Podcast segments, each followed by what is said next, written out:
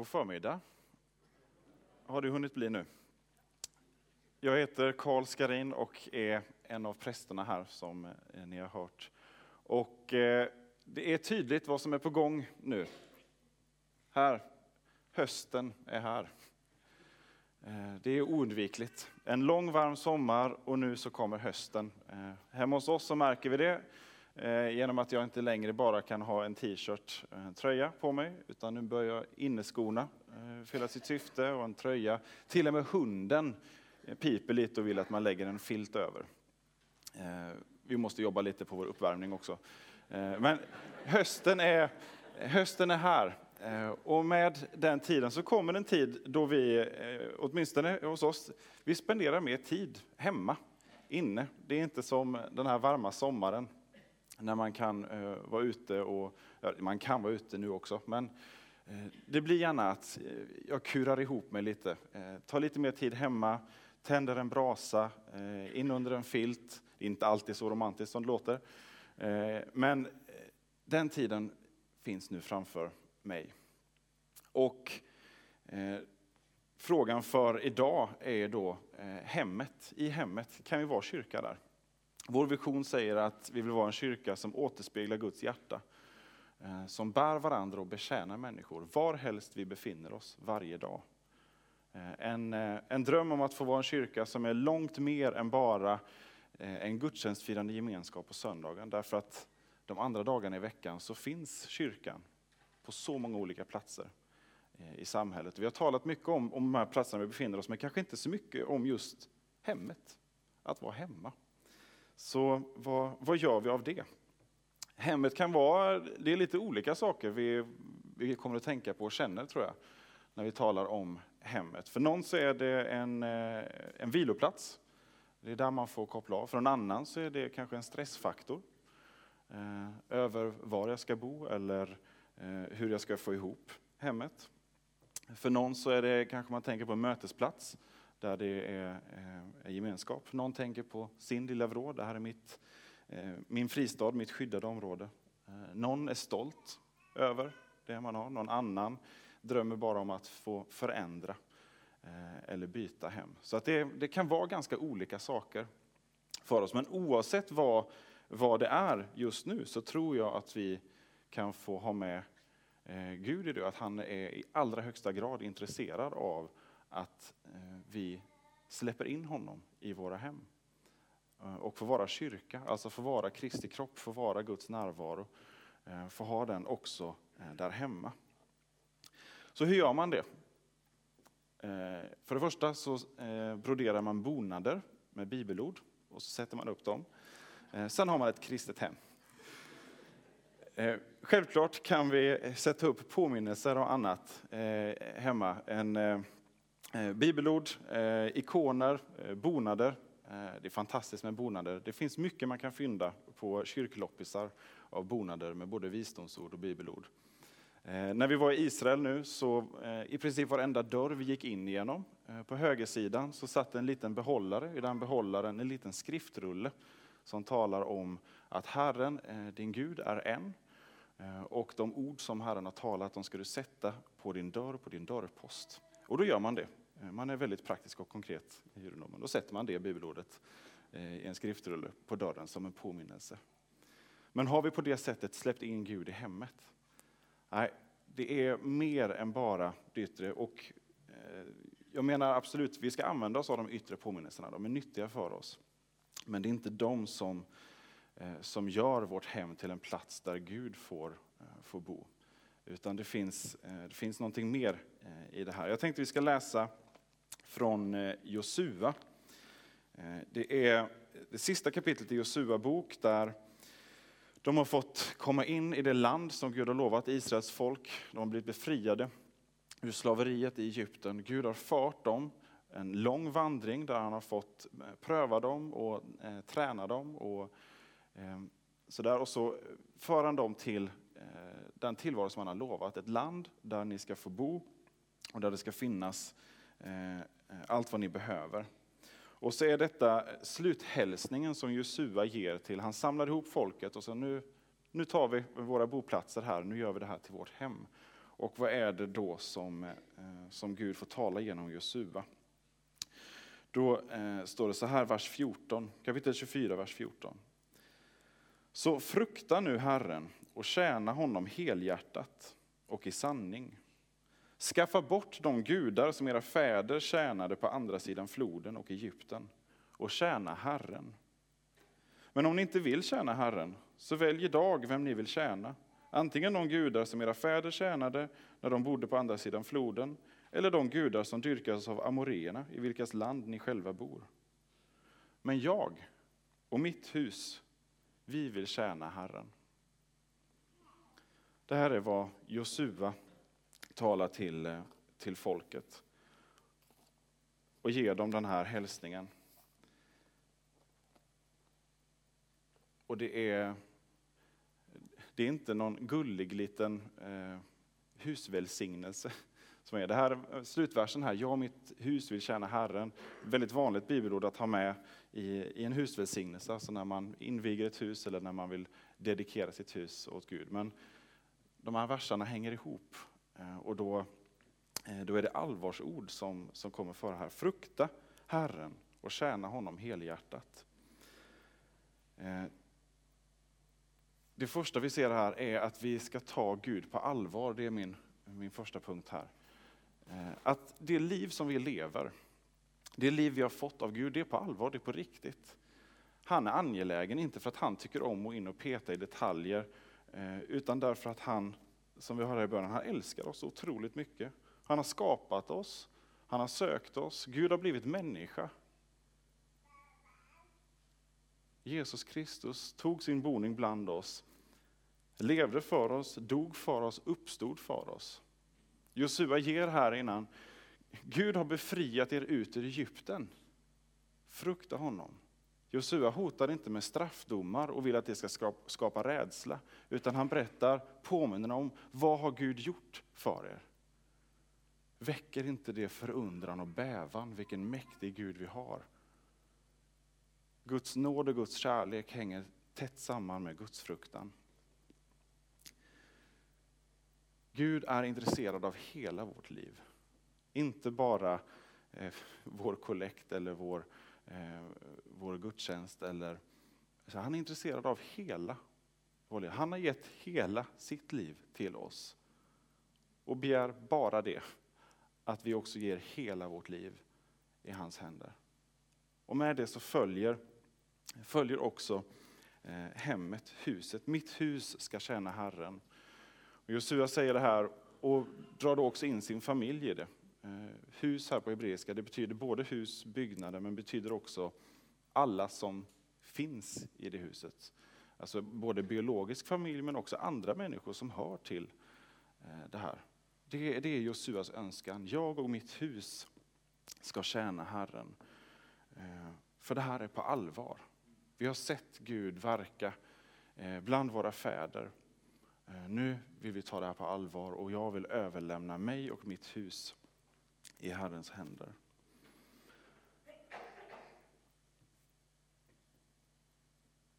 Men det är inte så självklart och därför kommer också eh, det här ultimatumet som, som Josua ställer. Jag träffade när jag jobbade i Credo, eller teamade i Credo som eh, inspiratör, vi besökte eh, skolgrupper och studentgrupper. Så träffade jag ett gäng utbytesstudenter från Nigeria. De pluggade på högskolan i Karlskrona. Och så träffades vi på en konferens.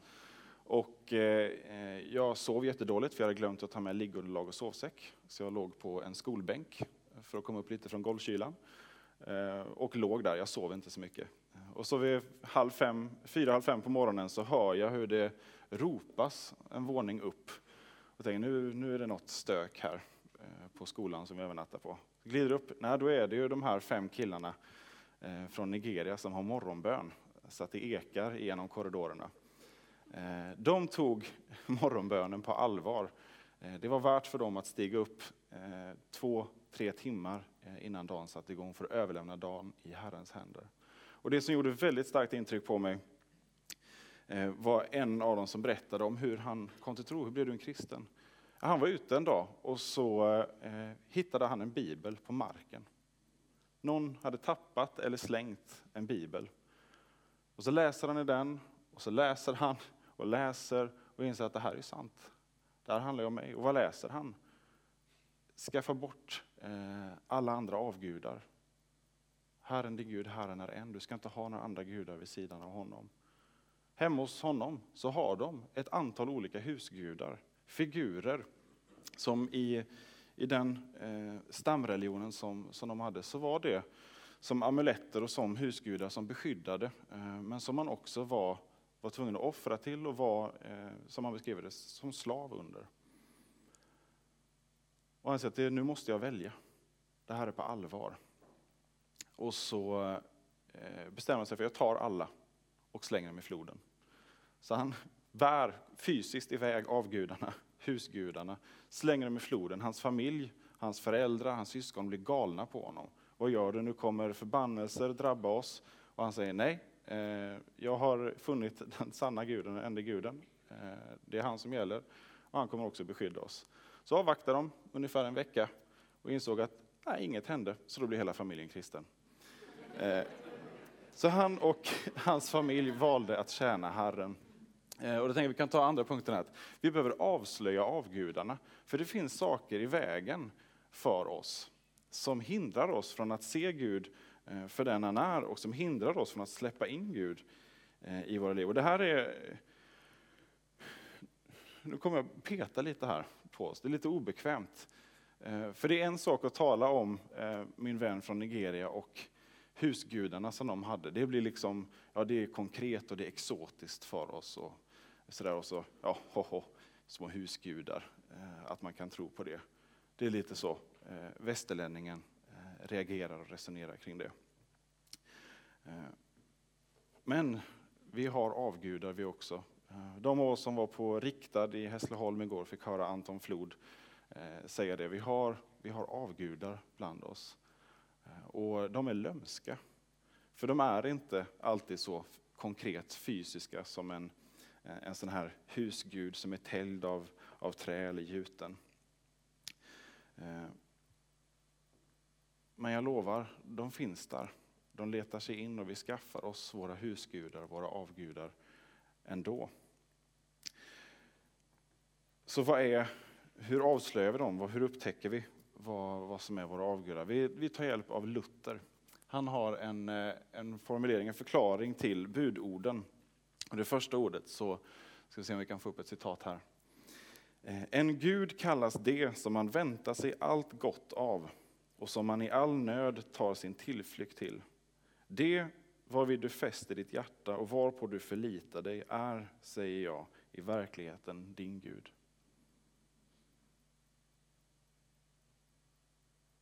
Det är en avgud enligt Luther.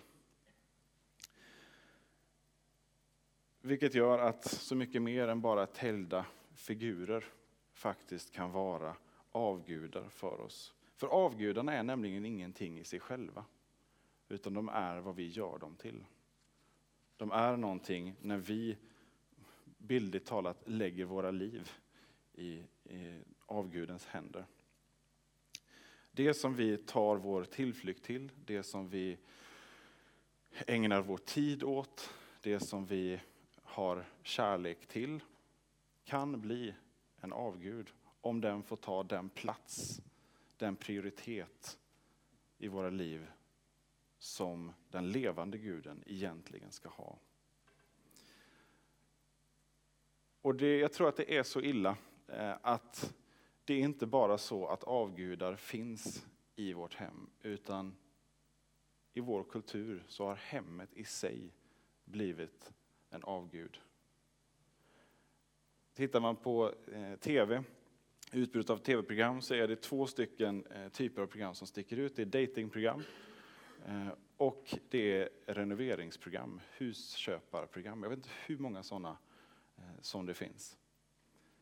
Där huset nästan blir vår tids, vår kulturs tempel.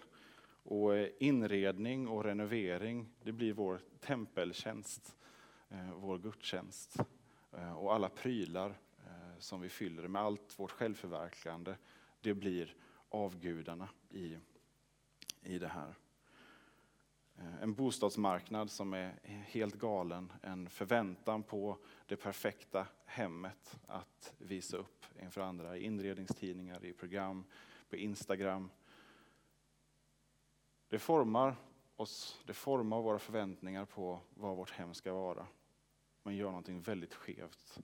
Eh, och jag tror inte att jag är den enda som ibland kan uppleva stress över hur mitt hem ser ut eller upplevs. Och så ofta kommer jag på mig själv med att ha någonting annat som jag drömmer om. Tänk om jag hade fått ha den här typen av hus, ja men nu blir det det här, ja men då kanske vi kan göra, förändra så att vi får det här huset istället.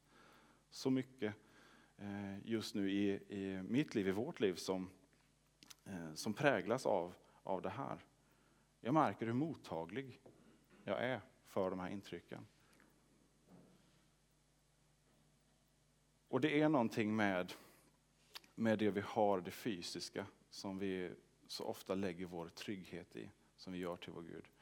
Egendom, vare sig det är hus, eller det är prylar, eller det är pengar på banken, eh, så är det där vi sätter väldigt mycket av vår tillit och vår trygghet, om vi ska vara ärliga.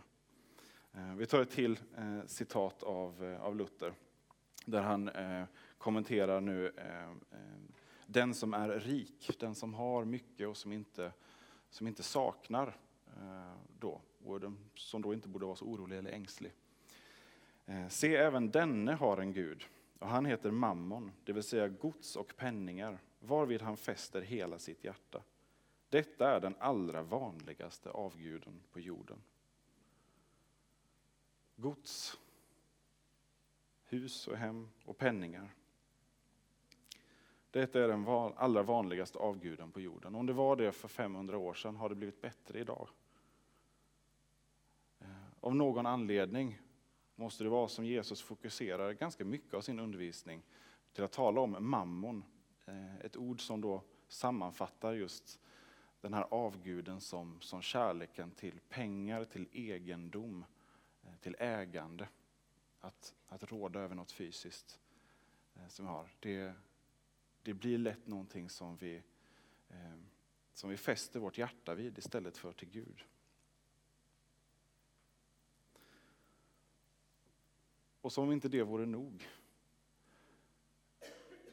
så finns det immateriella saker, saker som inte är fysiska. Våra intressen och våra hobbys och grejer som vi gör och som vi lägger tid på, som också riskerar att få en, Eh, en alldeles för prioriterad plats i våra liv. Som också då ganska ofta faktiskt kostar något. Så vi är ändå tillbaka i det här med pengarna. Vad vi lägger våra pengar på, det visar också var vi har eh, vår kärlek. Vad vi prioriterar. Och bara sättet vi talar om det, våra pengar. Om allt är skapat av Herren, är det våra pengar då?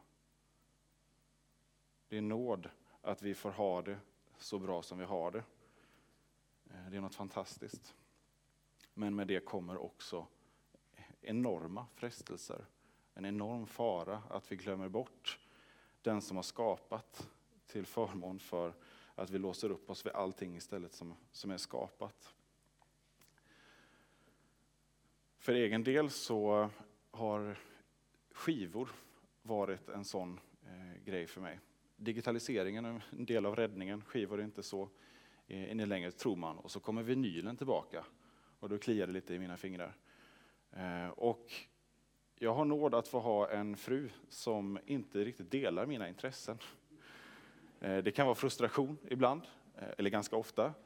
Men det innebär också att hon kan få andra ögon för det som jag tycker är så självklart i mitt liv.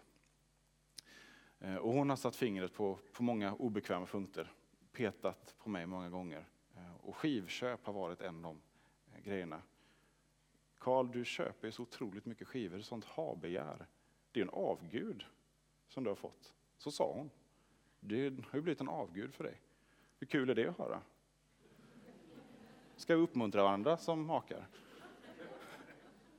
Men vi behöver också någon som älskar oss, som kan få vara det där fingret ett finger som inte kommer med dom, men som kommer eh, och för oss på rätt väg.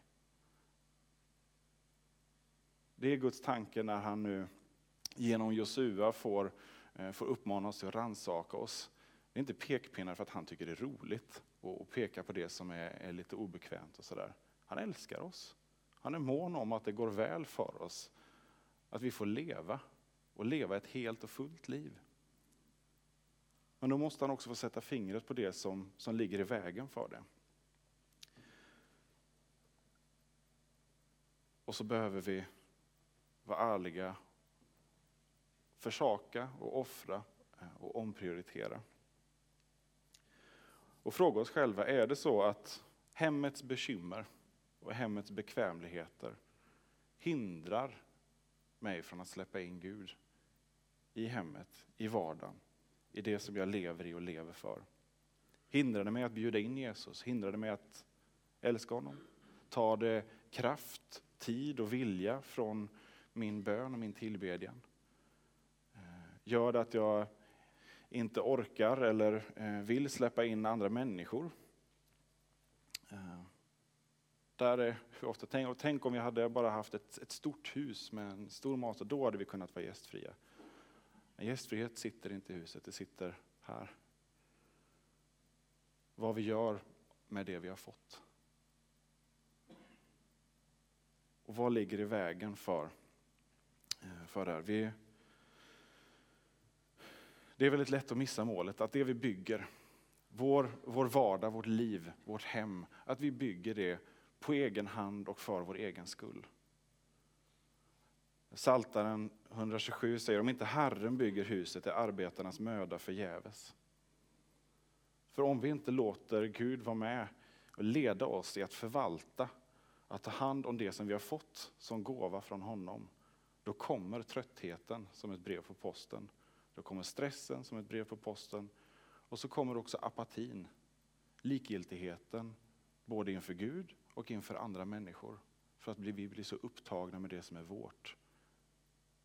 Vårt eget. Och ju mer vi har, desto större saker har vi att oroa oss för.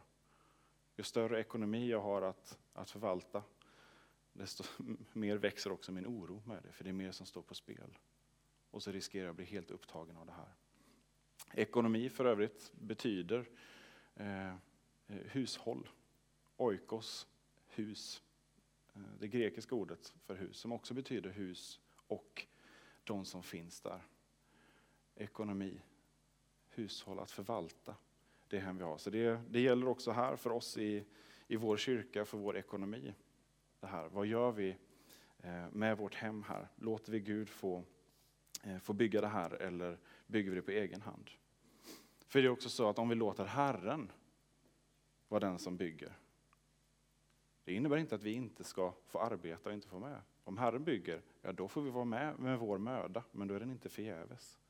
Utan det är någonting som, eh, som blir kraft eh, och liv. Men så lätt eh, det är att det blir vår egen, eh, vår egen strävan.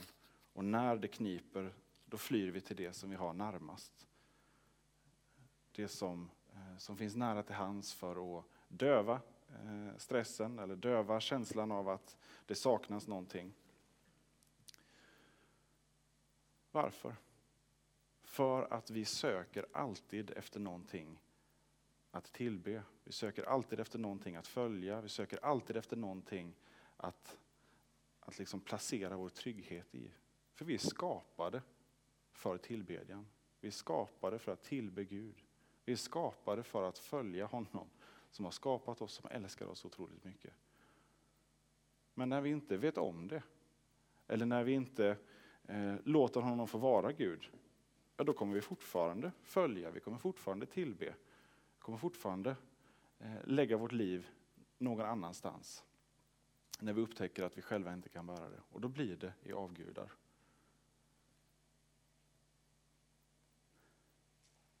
Så låt oss få avslöja våra avgudar. Var och en av oss eh, anar kanske vad vi, vad vi har. Gör vi inte det så får vi be om någon eh, som älskar oss som får sätta fingret på det och som får, eh, får tala om det för oss. så att vi kan få helga hemmet. Den avslutande punkten. För vad är det Josua säger efter det här? Han utgår från att det är allvar. Vi behöver frukta Herren. Vi behöver välja. Är det här ett liv vi lever för Herren eller för, för avgudar? Vare sig vi oss själva vi upphöjer, upphöjer till Gud eller eh, andra saker. Och när vi gör valet, jag vill att mitt hus, det jag har fått, det jag eh, finns i, det ska förtjäna Herren. Att få avskilja hemmet för, för skaparen. Det som är skapat, att det får tjäna skaparen istället och förtjäna eh, människor. Det handlar om att tacka ja till den inbjudan som, som Jesus gör, där han bjuder in sig själv. Det finns en berättelse om han möter en, en man som ägde väldigt mycket och som hade skaffat sig det på felaktiga sätt, Sackeus. Sackeus sitter i ett träd för att få syn på Jesus när han rör sig i byn.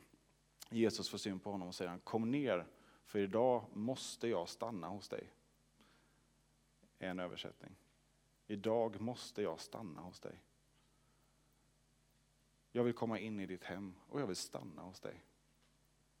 Eh, och när Sackeus tackar ja till den eh, inbjudan, eh, då förändras hans liv fullständigt. Hans prioriteringsordningar förändras. Han får bukt med sin avgud som är pengar. Och istället så får de pengarna bli till välsignelse för inte bara de som han har tagit dem från, för där ger han tillbaka med råge, utan också till ännu fler människor, till fattiga som, eh, som behöver det. Så när vi helgar vårt hem, när vi låter Jesus komma in och eh, inte bara gästa oss utan få stanna, eh, så ger vi honom rätt plats. Och då sätter vi också oss själva och det vi har fått, vårt hem, allt det vi har, i rätt relation till honom. Då får inte riktigt avgudarna plats längre. Och istället så är det så att det vi har fått, eh, det kan få bli till välsignelse för andra. Paulus skriver i första Timoteusbrevet, till allt som Gud har skapat är gott och inget är förkastligt när det tas emot med tacksägelse. Det helgas genom Guds ord och bön. Det som riskerar att bli våra avgudar är i sig inget hot. Det är tomhet. Det skapade ting. Det är vad vi gör det till.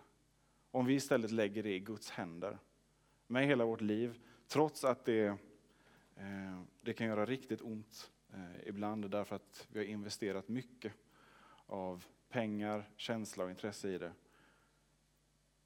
så kan det få bli eh, någonting otroligt gott för andra istället. Det som vi fyller våra liv med är lätt att dela med sig av. Så vad fyller vi våra hem med? Vad fyller vi eh, vår vardag med? Fyller vi det med Jesus, låter vi honom få plats där så kommer det också bubbla över av Jesus. Kan vi få helga vårt hem, våra hem, så att det blir en plats där frid får råda, så att det blir en plats för tillbedjan, en plats för möten mellan Gud och människor, en plats för vila och upprättelse. En plats där kyrkan är närvarande.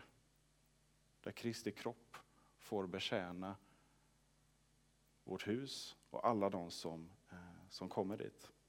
För oss, för familj, för vänner eh, och också för främlingen.